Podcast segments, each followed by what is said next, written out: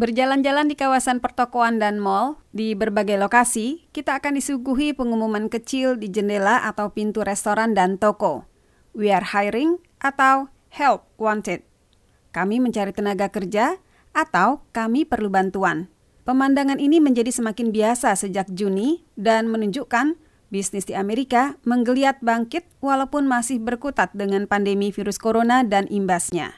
Kami butuh orang yang mau kerja, cetus Irene Ko, diaspora Indonesia pemilik Hanami, restoran Jepang di College Park, Maryland.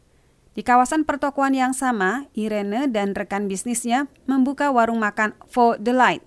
Sama saja, di sana juga kurang orang, kata Irene yang terus membuka usaha restorannya selama pandemi. Irene juga memasang pengumuman lowongan kerja di berbagai media sosial, selain menempuh cara tradisional menyebar pengumuman itu ke semua orang yang dikenalnya. Promosi di rekrutmen dicari orang itu nggak ada yang mau datang. Taruh di depan pintu ditulis juga nggak ada yang mau datang. Nggak ada yang mau kerja. Keluhan Irene menjelaskan mengapa pengumuman kecil itu ada di hampir setiap toko dan bisnis. Bukan hanya restoran, tetapi juga toko pakaian, pangkas rambut, bahkan mall dan pasar swalayan. Susah cari orang itu. Soalnya semua dapat tunjangan, makanya nggak ada yang mau kerja. Sita Owens, asisten general manager untuk Petit Mall, Bistro and Cafe di Washington DC, menyampaikan keluhan serupa. Ia membeberkan peta kebutuhan tenaga di resto kecil tempatnya bekerja. Idealnya tuh kalau untuk kafe itu dua orang per shift. Sedangkan untuk bistro, Sebenarnya 8 itu ideal.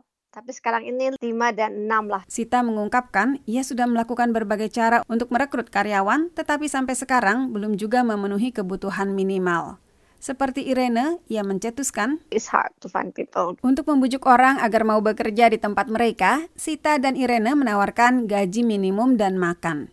Mereka tidak bisa membajak tenaga kerja dari tempat lain karena mereka tidak berani menawarkan gaji yang lebih besar atau menjanjikan bonus. Di luar itu, mereka menyediakan tips dan tempat parkir gratis, komponen yang juga menentukan keputusan calon karyawan. Sita memberi uang transportasi. Irene menyediakan training untuk keterampilan membuat sushi yang bisa menjadi modal kerja di mana pun. Departemen Tenaga Kerja Amerika melaporkan awal bulan ini bahwa pebisnis membuka 194 ribu lapangan pekerjaan pada September. Jumlah itu jauh dari 500 ribu yang diperkirakan analis. Karena tidak juga mendapat karyawan, Irene dan Sita turun tangan langsung.